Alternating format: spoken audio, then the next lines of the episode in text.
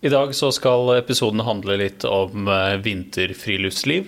Og med meg her i vårt eh, studio så har jeg eh, Oskar Birkeland, som har vært med i noen episoder tidligere.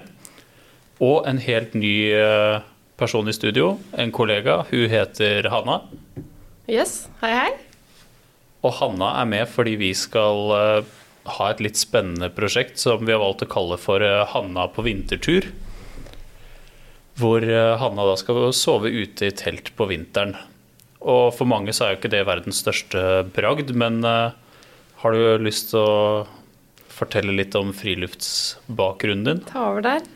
Ja, det kan jeg gjøre. Um, vinterfriluftsliv og meg er på en måte ikke to ord som noen, i noen sammenheng har vært satt sammen. Um, friluftsliv generelt tenker jeg på som for min del å gå tur i skogen. Det holder.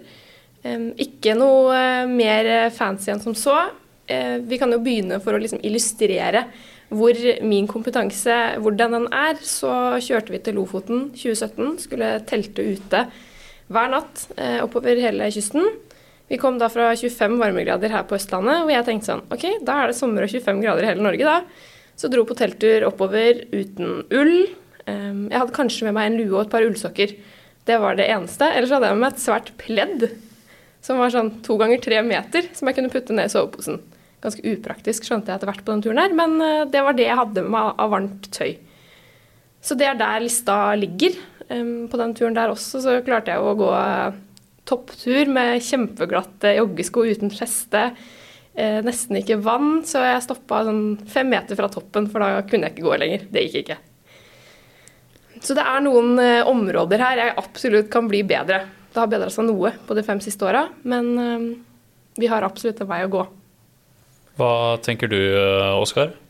Nei, eh, først av alt så tenker jeg det er jo utrolig kult at hun i det hele tatt har faktisk satt seg i bilen for å dra på tur til Lofoten. Um, og jeg syns ikke det hørtes aller verst gærent ut. Jeg har vært i Lofoten, jeg, i 25 grader, jeg òg.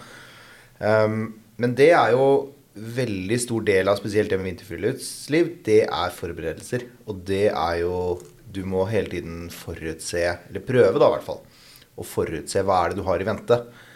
Um, på sommeren så kan man bli overrasket over at det var litt kaldere eller litt varmere enn man trodde.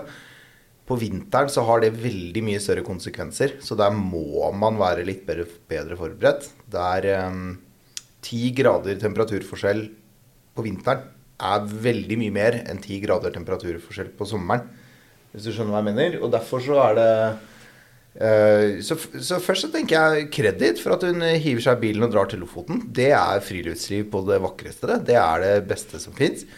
Og pledd og sovepose, why not? Altså, det er eh, kjempeflott det, at man drar ut på de turene. Uh, hadde det vært en vintertur hun gjorde akkurat det samme på, så hadde jeg vært litt mer bekymra. Ja. ja. nå skal det også da legges til at det var det jeg skjønte fort, at uh, 25 grader på Østlandet, det er ikke 25 grader inne i Skjåk. Så der var det kanskje to minus og kald vind. Så vi angra litt når vi satte oss ned for å lage middag der. Men eh, det gikk, det gikk greit. Pleddet holdt eh, delvis. Og så, Oskar, så kommer jo det vanskelige spørsmålet. Eh, hvorfor skal man dra ut på tur på vinteren og sove ute? Hva er det som motiverer deg med det? Um, helt siden jeg sov ute i telt første gang på vinteren, eller sov ute da, første gang på vinteren under gapahuk eller sånt, så er det, det er jo selvfølgelig mye mestringsfølelse. Den kjenner jeg på fremdeles når jeg sover ute.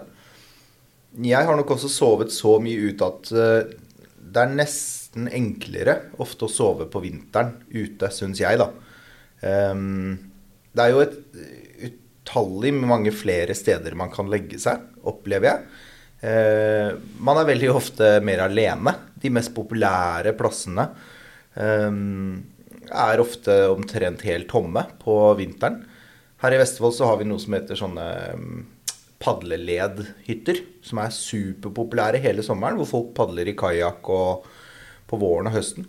Eh, og fantastisk sånn flott tilbud med masse sånne ferdigbygde gapauker som står langs kysten kjempefine for overnatting med barna osv. Men eh, stort sett når jeg kommer dit på sommeren eller våren, så er de opptatt, eller det er folk der. Og det er flott. Men på vinteren så opplever jeg å ha de stedene helt for meg selv. Jeg kan overnatte på de mest populære hyttegrendene eller uh, strendene her nede langs kysten. Jeg kan være på veldig mange av de mest populære plassene. Og jeg kan få lov å være helt i fred. Og det er klart, de stedene de er jo veldig populære av en grunn. Det er gjerne de vakreste stedene, sørvendte med sol osv. Så, videre. så det er jo veldig ofte veldig fine plasser å reise. Og det også er jo en kjempebonus på vinteren. At man, ja, man får naturen enda litt sånn tettere på seg og, og har muligheten til å reise til mange av de flotteste plassene. Og rett og slett få gleden av å være litt alene. Da. Det er ikke sånn at jeg ikke liker å være på tur der det er andre mennesker. Det er ikke det jeg mener. Men uh, det er jo en luksus da, å få disse kjempeflotte stedene litt for seg selv. Og Hanna, hva er din eh, motivasjon for å begynne med vinterfriluftsliv? Eller sove ute på vinteren, da?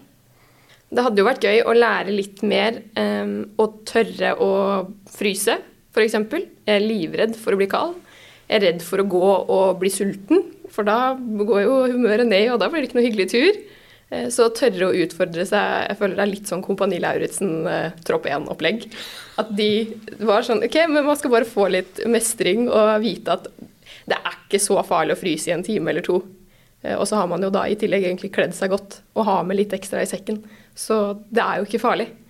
Det er jo også en del av motivasjonen at eh, rett og slett for jobbens del, når det er så mange flinke folk her som kan så mye, så er det jo greit å forstå deler av det dere snakker om når dere forteller om ulike turer og eh, snakker om ulikt utstyr osv. Jeg syns kanskje Hanna har et poeng der, Oskar, at med vinterfriluftsliv så er det jo Det følger jo med en viss mengde øh, ukomfort ja, det er noe med å lære seg at den ukomforten um, Det er noe med liksom å lære seg den mestringen i det. Jeg hører jo hun sier det at hun er veldig redd for å fryse, og det tenker jeg det er et veldig fint utgangspunkt for det. Det har jeg jobba lenge, lenge, lenge med. Å lære folk å ikke fryse. For det, jeg mener jo at å fryse, det er et valg man tar. Um, jeg sier litt sånn på fleip ofte at jeg slutta å fryse for mange år siden, for da bestemte jeg meg for det og tok det valget at jeg skal ikke fryse. Um, og det kan jeg med hånda på hjertet si at de siste tre årene så har jeg egentlig ikke gjort det. Uh, de gangene jeg fryser, det er i så fall når jeg går ut for å lufte hunden i tøfler eller de småturene der. Når jeg går på skiturer eller er på topptur, så er jeg forberedt. Og jeg velger å tenke at uh, skal jeg ta med den tykke eller den uh, tynne dunjakka, Dumt spørsmål. Selvfølgelig den tykke. Det er aldri verdt det for min del å spare en halv kilo vekt. Um, jeg bruker uh, litt ekstra penger på litt ekstra varme klær. Jeg er glad i å kle meg godt, og jeg uh, Ja. Jeg er veldig lite glad i å fryse. Selv om jeg er veldig mye ute på tur på vinteren. Så det tenker jeg det er et veldig fint utgangspunkt at hun sier at det er hun redd for. For det er et det er noe vi kan bestemme oss for allerede her i studio. At uh, Hanna skal i hvert fall ikke fryse på tur. Og det skal vi klare å fikse med relativt enkle midler. Det er noe man kan lære seg. Og hun sier at hun er redd for å fryse i en time. Herre, å fryse i en time, det er jeg jo redd for. Altså, det, ja, det, er, er kjedelig, altså. det er lenge, det. Det er ikke et alternativ. Hvis jeg, hvis jeg hadde fryst i en time, så hadde jeg dratt hjem for 55 minutter siden. For det er eh, Hvis du fryser, da må du enten begynne å røre på deg, eller hoppe, eller lage et bål, eller komme deg ned i soveposen, eller koke en eh, kopp med te, eller Det er masse ting man kan gjøre på bare et par minutter for å slutte å fryse. Mm. Slåss, f.eks.? Ja, eh, det er egentlig det jeg gleder meg mest til. da. Ja. Å få slåss litt når jeg er ute på vintertur. Slåss med kollegaer på vintertur? Yes, ja. det er det jeg håper på. Nei, men Hvis du kan lære meg å ikke fryse, så skal jeg absolutt eh, sette alt i det prosjektet her.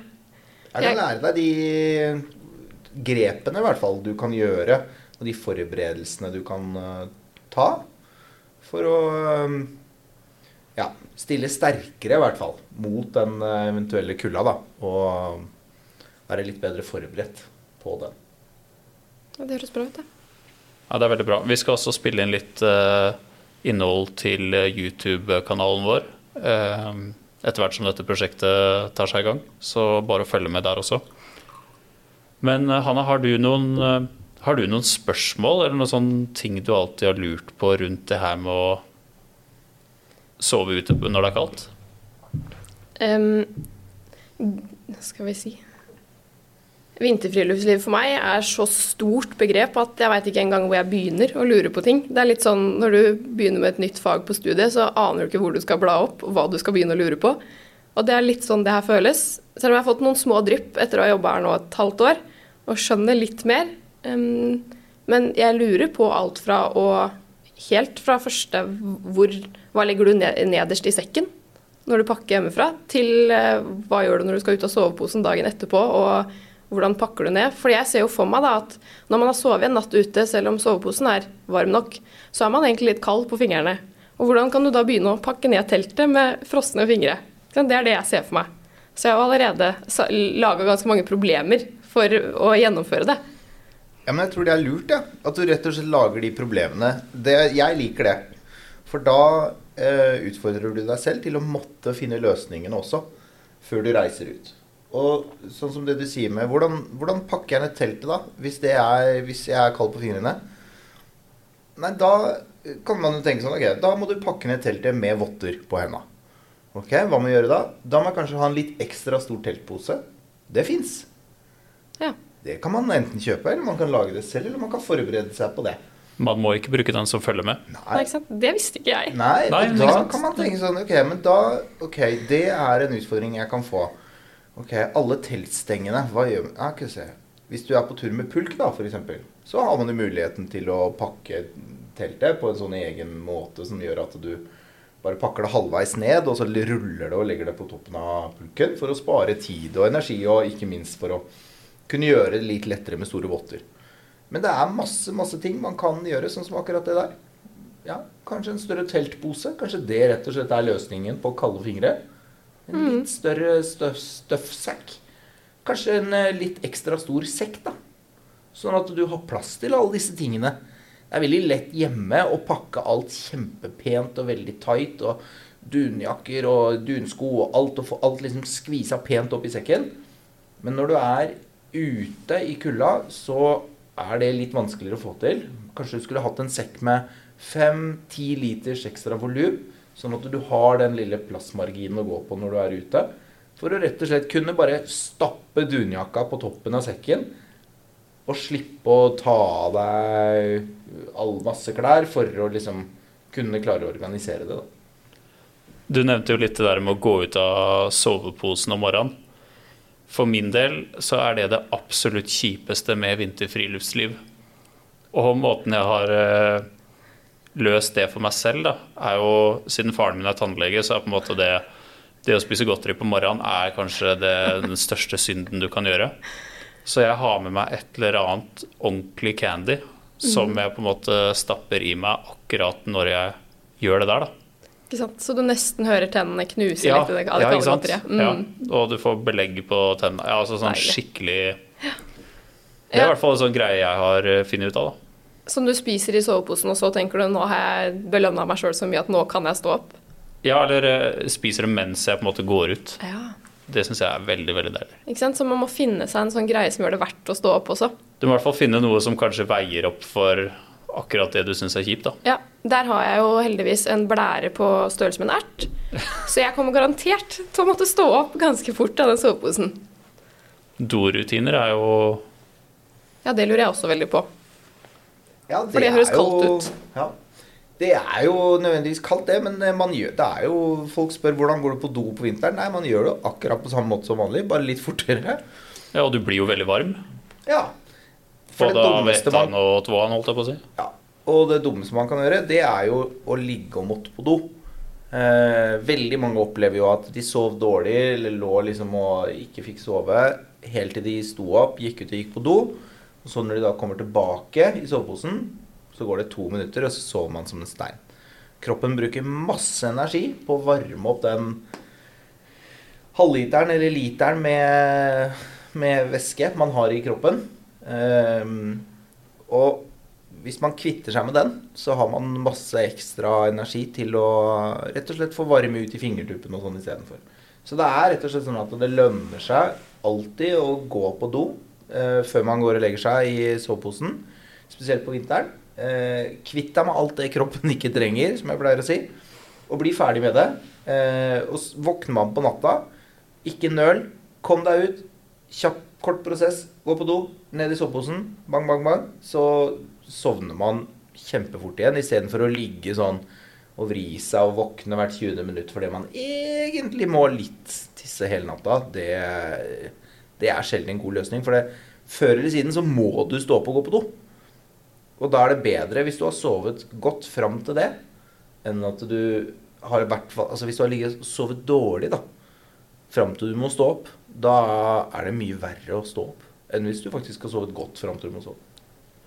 Men fins det noen eh, eh, Fins det en type bekledning som hadde gjort det der enklere? Altså, Kunne man tatt med seg en Nå ser jeg for meg sånn dunmorgenkåpe som jeg kunne slengt rundt meg hvis jeg må opp på natta.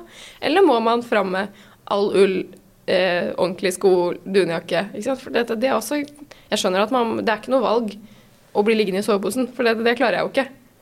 Men det er mye jobb å kle på seg alt sammen igjen.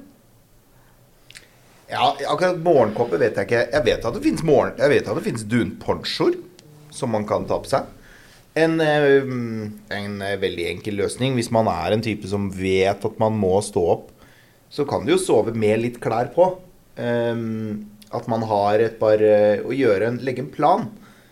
Ha skoene klare. Noen store støvler som du lett kan hoppe opp i. Um, kanskje et par raggsokker som står klare oppi skoa, som er så store at du bare kan tråkke oppi de sokkene omtrent. Ehm, kanskje lurt å sove med en eh, sånn tre kvart eh, eller en lang stillongs f.eks. Eh, hvis det blåser ute, være forberedt på at eh, Vet du hva, kanskje jeg skal lage meg et toalett i, i forteltet før man går og legger seg. Spesielt på vinteren så er jo det veldig enkelt, for det eh, Lukt og alt det der, det blir jo borte etter et par minutter men når det er kaldt. Så eh, har du et telt med to innganger f.eks., så kan du også forberede deg og tenke at vet du hva, i natt hvis jeg må på do, så skal jeg sette meg i forteltet på den siden og gå på toalettet der, rett og slett. Så er det å ha dunjakka liggende klart. En viktig ting jeg tenker, det er i hvert fall før jeg går og legger meg. Dette er på vinteren, for det har jeg bokstavelig talt tråkka i grøten så mange ganger på det her. Um, og det er når jeg løper ut av teltet kvart på fire på natta, spesielt hvis det er mørkt. Jeg har kanskje fått hodelykt på hodet, men å da begynne å vimse rundt og vase rundt i sånn knedyp snø i fotposer fordi jeg skal ut og tisse, det er ikke noe særlig. Så jeg pleier ofte å tråkke meg en løype ut av teltdøra, og liksom enten til venstre eller høyre eller rett fram eller den veien jeg vil gå på toalettet. Sånn at når jeg våkner på natta, så vet jeg hvor jeg skal gå, og da har jeg en ferdig laget liksom sti, da. Som jeg vet at der er det trygt å gå. Her kommer jeg ikke til å snuble, jeg kommer ikke til å plumpe ned i en bekk, jeg kommer ikke til å eh, plutselig stå med snø til hofta, for det er ikke noe særlig når man står der i trusa midt på natta. Så det er også en sånn forberedelse man kan gjøre før man går og legger seg. Se for seg det scenarioet at du må opp og tisse på natta. Ok, hvor, hva er det verste som kan skje? Ja, ok, jeg kan, det, kan, det kan skje. Jeg kan tråkke i snøen, jeg kan gå gjennom isen. Jeg kan, ok, da må, jeg for, da må du forutse de tingene, og så må du forberede deg på alle de tingene. Men det er jo også et konsept som heter tisseflaske. For jenter. Jeg tror flaska er ganske unisex, men, eh, men eh, det er jo også et produkt som heter Go Girl, er det ikke det? Jo, det har jeg sett. Tissetrakt, Ja. det er um... Da slipper du å gå ut. Ja, jeg har vet, møtt veldig mange jenter som, eh, som eh, har vært litt sånn hvorf, altså De har sagt 'Hvorfor har jeg ikke begynt med dette før?' Ja. Når de endelig har testet det, eller når de omsider har fått det i gave og, og syns det var gøy og så skulle prøve det. Men sånn i all oppriktighet, i ettertid vært sånn Herregud, hvorfor, hvorfor har jeg vært så avventende med dette? Dette er jo faktisk helt genialt. Kanskje det jeg skal gjøre en liten eh, produktanmeldelse på underveis her. Jeg tenker i hvert fall at uh, på en måte uten å Uten å bli eh, vulgær, at det er bra YouTube-content. da At du tester det på natta. Ja, det, det, det, det er jeg enig i. Ja, Akkurat at det er bra content. ja. Ja.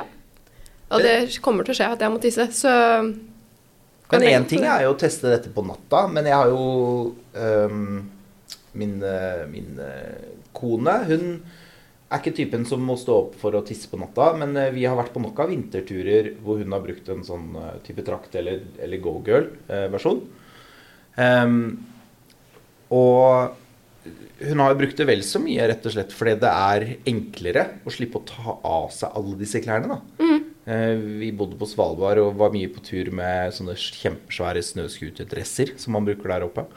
Og det er litt håpløst for jentene. Og skal du ta av deg liksom hele, alt på overkroppen fordi du må sette deg og tisse. Og der òg har det vært eh, kjempepraktisk å kunne rett og slett gjøre sånn som gutta. Stå oppreist og åpne glidelåsen nedenifra.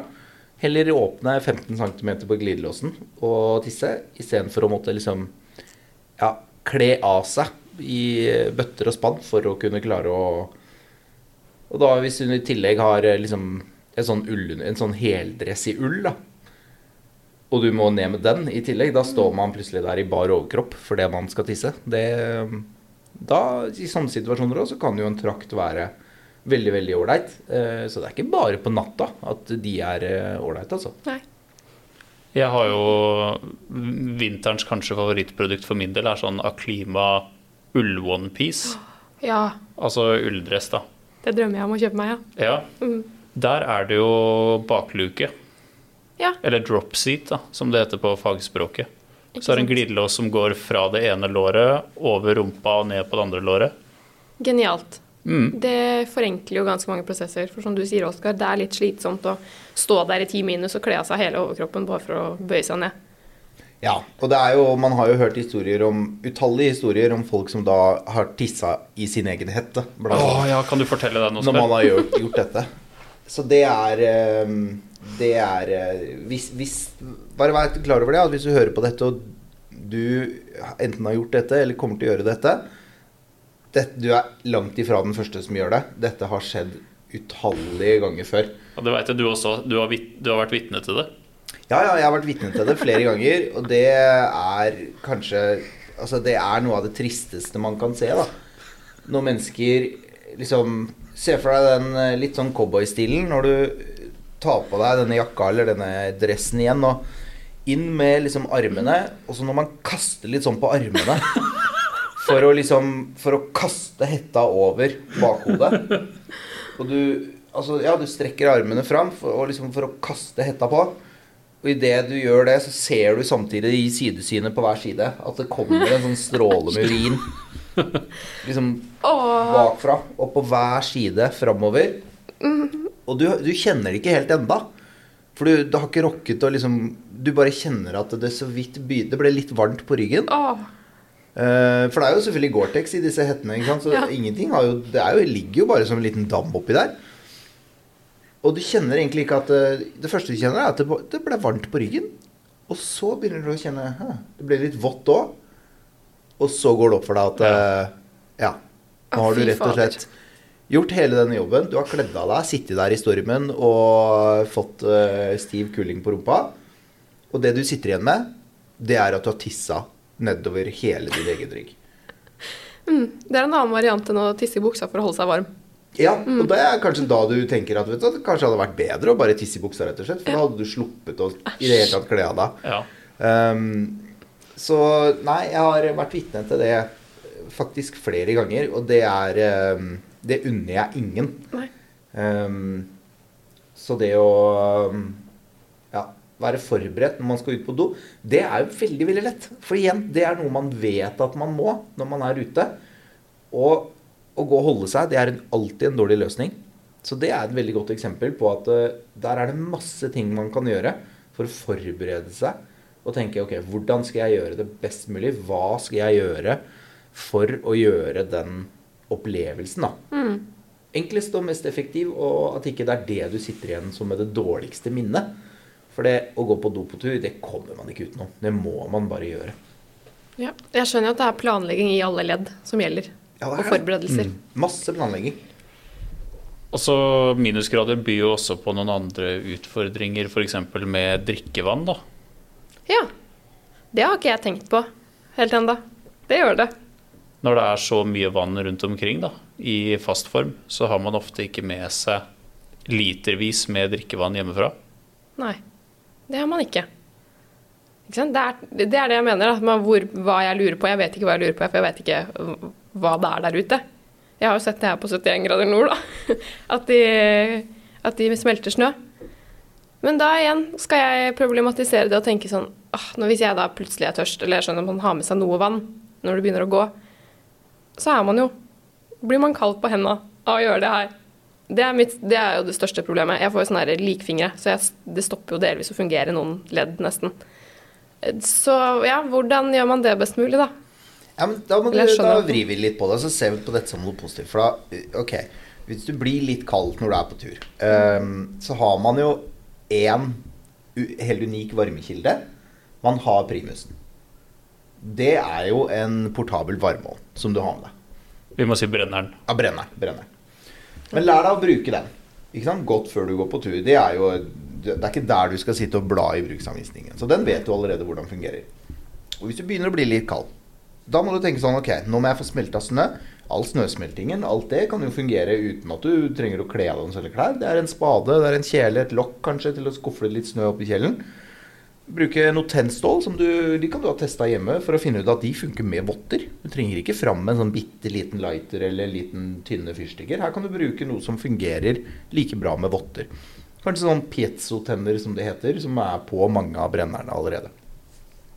Så i hvert fall, da har du fått fyra opp, du har fått begynt å smelte snøen. Og nå er det bare å begynne å glede seg. For nå har du ikke bare snart får du vann. Du, har jo, du er jo Altså når snøen har smelta og du har fått vann, da er det jo over halvveis til å få deg en varm kopp med vann. Så her har du jo muligheten til å Altså hver gang du skal drikke, så kan du drikke kaffe. Men her er du Du er allerede veldig tett på å skulle få deg noe varmt å drikke. Og I tillegg så er det jo masse, det vet jo alle som har prøvd dette, at eh, fra disse brennerne de slipper jo ut masse varme ut på sidene. Så her er det jo bare å rive av seg vottene med en gang og få hendene fram inntil uh, varmekilden her.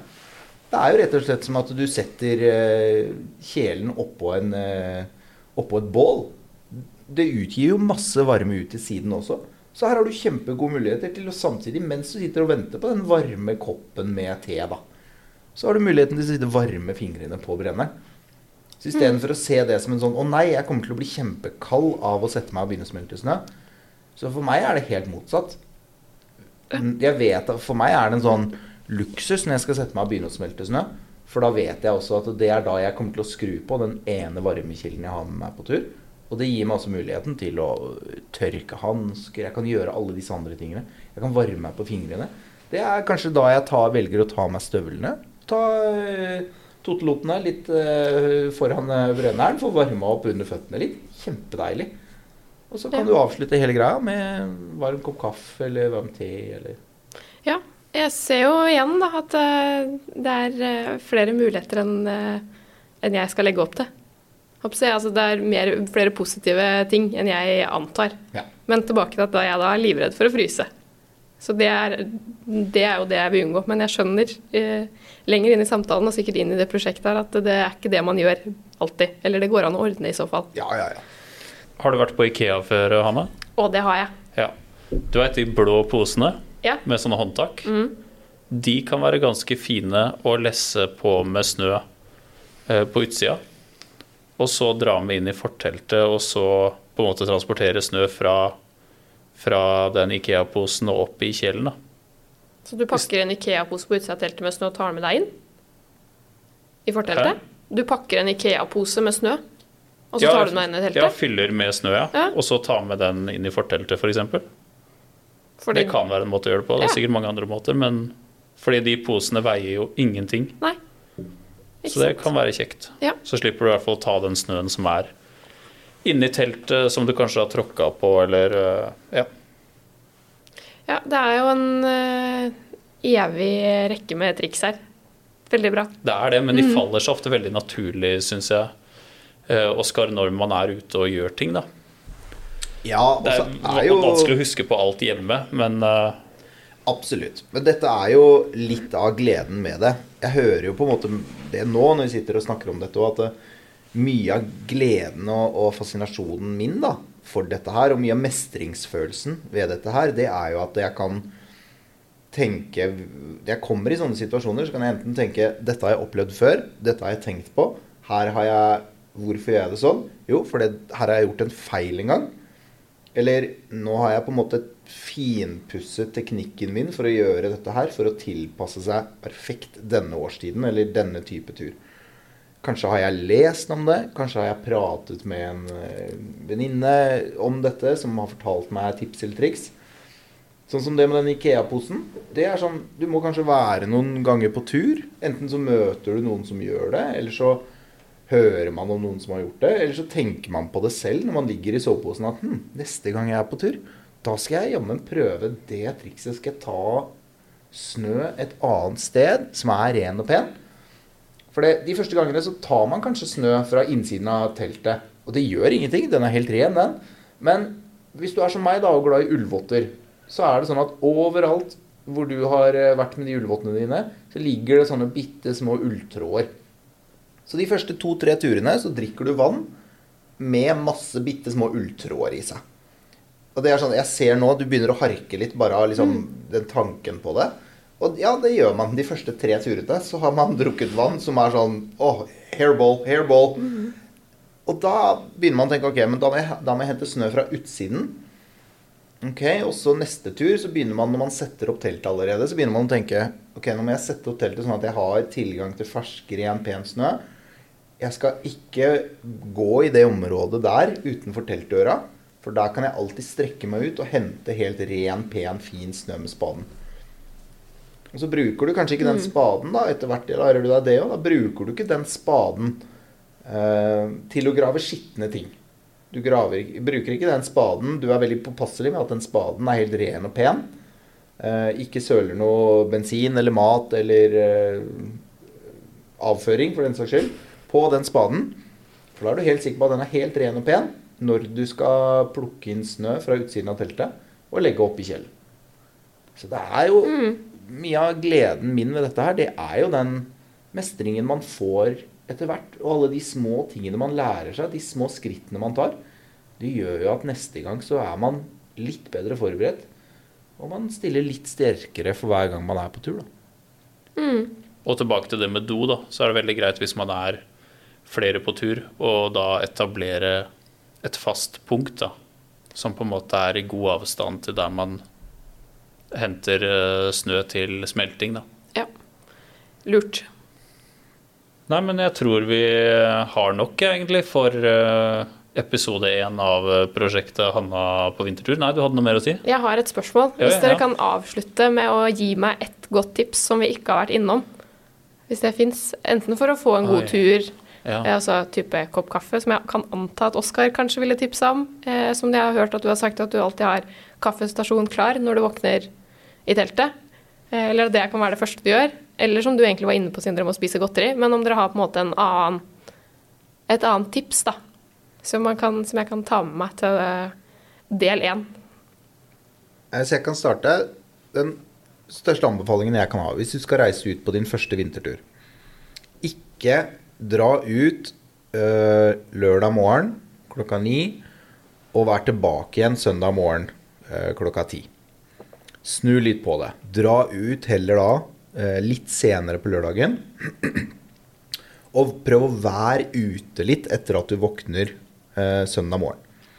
Grunnen til det er at det er noe med å gi seg litt sånn på en, en high note. Altså Eh, det er jo veldig fristende, det er det jo for meg òg, å våkne i teltet om morgenen, raske med seg alle tinga og tenke kanskje jeg bare tar frokosten i bilen, eller du hiver i deg noen kalde brødskiver, og så bare rasker du sammen alle tinga, og litt sånn halen mellom beina rømmer tilbake.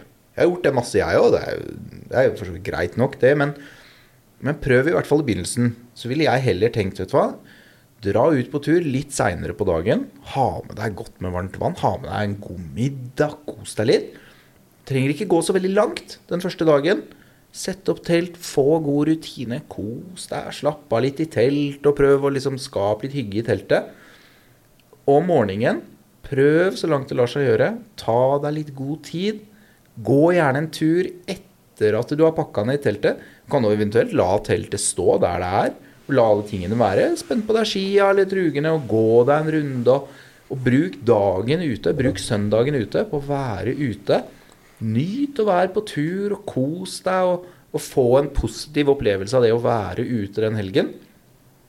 Og så går du til bilen, og så kan du heller stoppe og spise middag sånn på vei hjem. Det er ikke det at du må være ute hele søndagen, men, men da tror jeg når du og Når du kommer hjem da, søndag kveld, og når du går og legger deg søndag kveld, så har du fått en helt fantastisk søndag. Altså som om Da har du virkelig fått mestringsfølelse. av At det, fra du våknet, så har du kunnet klare deg hele dagen. Og da når du endelig kommer til bilen og setter deg der, så kunne du nesten like gjerne ha satt opp teltet. For da har du, da har du klart å våkne, få varmen, få i deg mat, være aktiv hele dagen. Og så velger du å sette deg i bilen og dra hjem. Ja vel, men da er du på en måte der at da kunne du egentlig bare gjort det om igjen og om igjen og om igjen. Og da kunne du vært ute i mange dager. Mm. Så mitt tri triks er eh, dra litt seinere ut på tur på lørdagen. Og så utsett hjemreisen med et par timer hvis du klarer det. Ja, jeg skjønner eh, tanken bak det. Veldig bra tips. Absolutt noe som er verdt å gjøre for meg. At jeg får kobla det til noe positivt. Eh, mitt eh, tips, eh, det er egentlig Ofte på sånne elkjøpbutikker og Power og sånn, så har de sånne små tripod-stativ til mobilen. Og det syns jeg er så utrolig hyggelig. Å ligge i teltet og se en film eller se en, se en serie. Ja. Og da å ha et sånt, særlig hvis man er to på tur, da. Å ha et sted hvor begge faktisk kan se på den mobilen. Hvor ikke en må sitte og holde den i sånn krøkkete Yes. eh, positur. Det, det syns jeg er noe som har løfta mine turer litt. da, Å faktisk sitte og se på fotball-VM i telt eh, på kvelden. da. Eller Twilight, eller uh, hva du ser på. Men, uh, oh, jeg gleder meg til å ta en toalett i teltet. ja.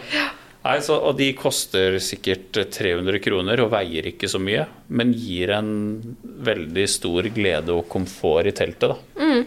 Som kanskje for din del også er med på å minske litt avstanden Yes. eh, til hjemmet.